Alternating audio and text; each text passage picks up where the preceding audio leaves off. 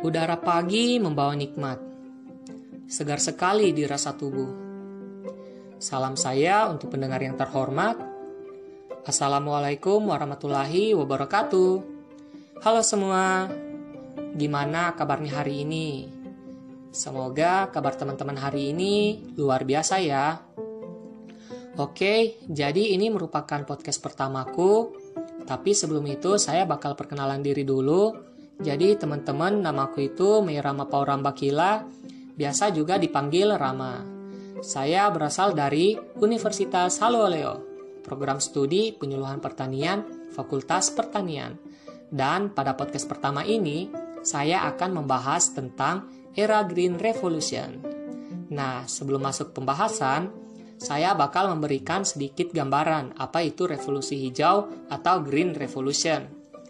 Revolusi hijau adalah sebutan tidak resmi yang dipakai untuk menggambarkan perubahan fundamental dalam penggunaan teknologi budidaya pertanian yang dimulai pada tahun 1950-an hingga 1980-an di banyak negara berkembang terutama di Asia. Sehingga pada era Green Revolution atau bimas pertanian, produksi pertanian mampu memenuhi kebutuhan penduduk melalui aplikasi pupuk kimia, varietas unggul, pestisida, dan teknologi irigasi dalam agroekosistem, termasuk Indonesia, menurut Pingali tahun 2012. Menyadari dampak lingkungan dan tidak efisiensinya penggunaan energi dan bahan bakar fosil untuk memproduksi pupuk dan pestisida untuk produksi pertanian selama era Green Revolution memicu diubahnya paradigma dalam intensifikasi pertanian menjadi intensifikasi ekologi sebagai pendekatan pengelolaan produktivitas agroekosistem berkelanjutan khususnya kepada petani kecil seperti yang telah diuraikan oleh Titonel dan Giller tahun 2013. Dalam penggunaan teknologi dalam intensifikasi ekologi diarahkan kepada penggunaan ekoteknologi untuk pengelolaan agroekosistem itu sendiri dengan cara meminimalkan biaya tindakan dan kerusakannya terhadap lingkungan melalui sistem daur ulang limbah organik yang memungkinkan kemajuan ekonomi petani lebih berkualitas. Menurut Stras Kerabat tahun 1993 dan Hadiaway et al. 2018.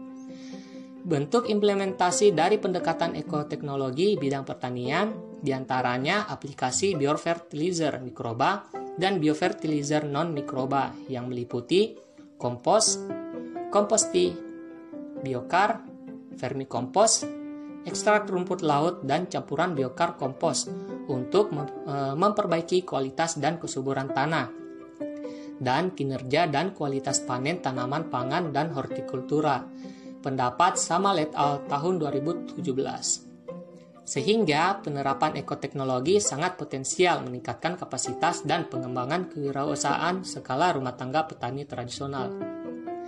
Jadi teman-teman, di sini bisa kita menyimpulkan bahwa uh, produ uh, produksi pertanian mampu memenuhi kebutuhan penduduk melalui aplikasi pupuk kimia, varietas unggul, pestisida, dan teknologi irigasi dalam agroekosistem guna sehingga penerapan ekoteknologi sangat potensial meningkatkan kapasitas dan pengembangan kewirausahaan skala rumah tangga petani tradisional.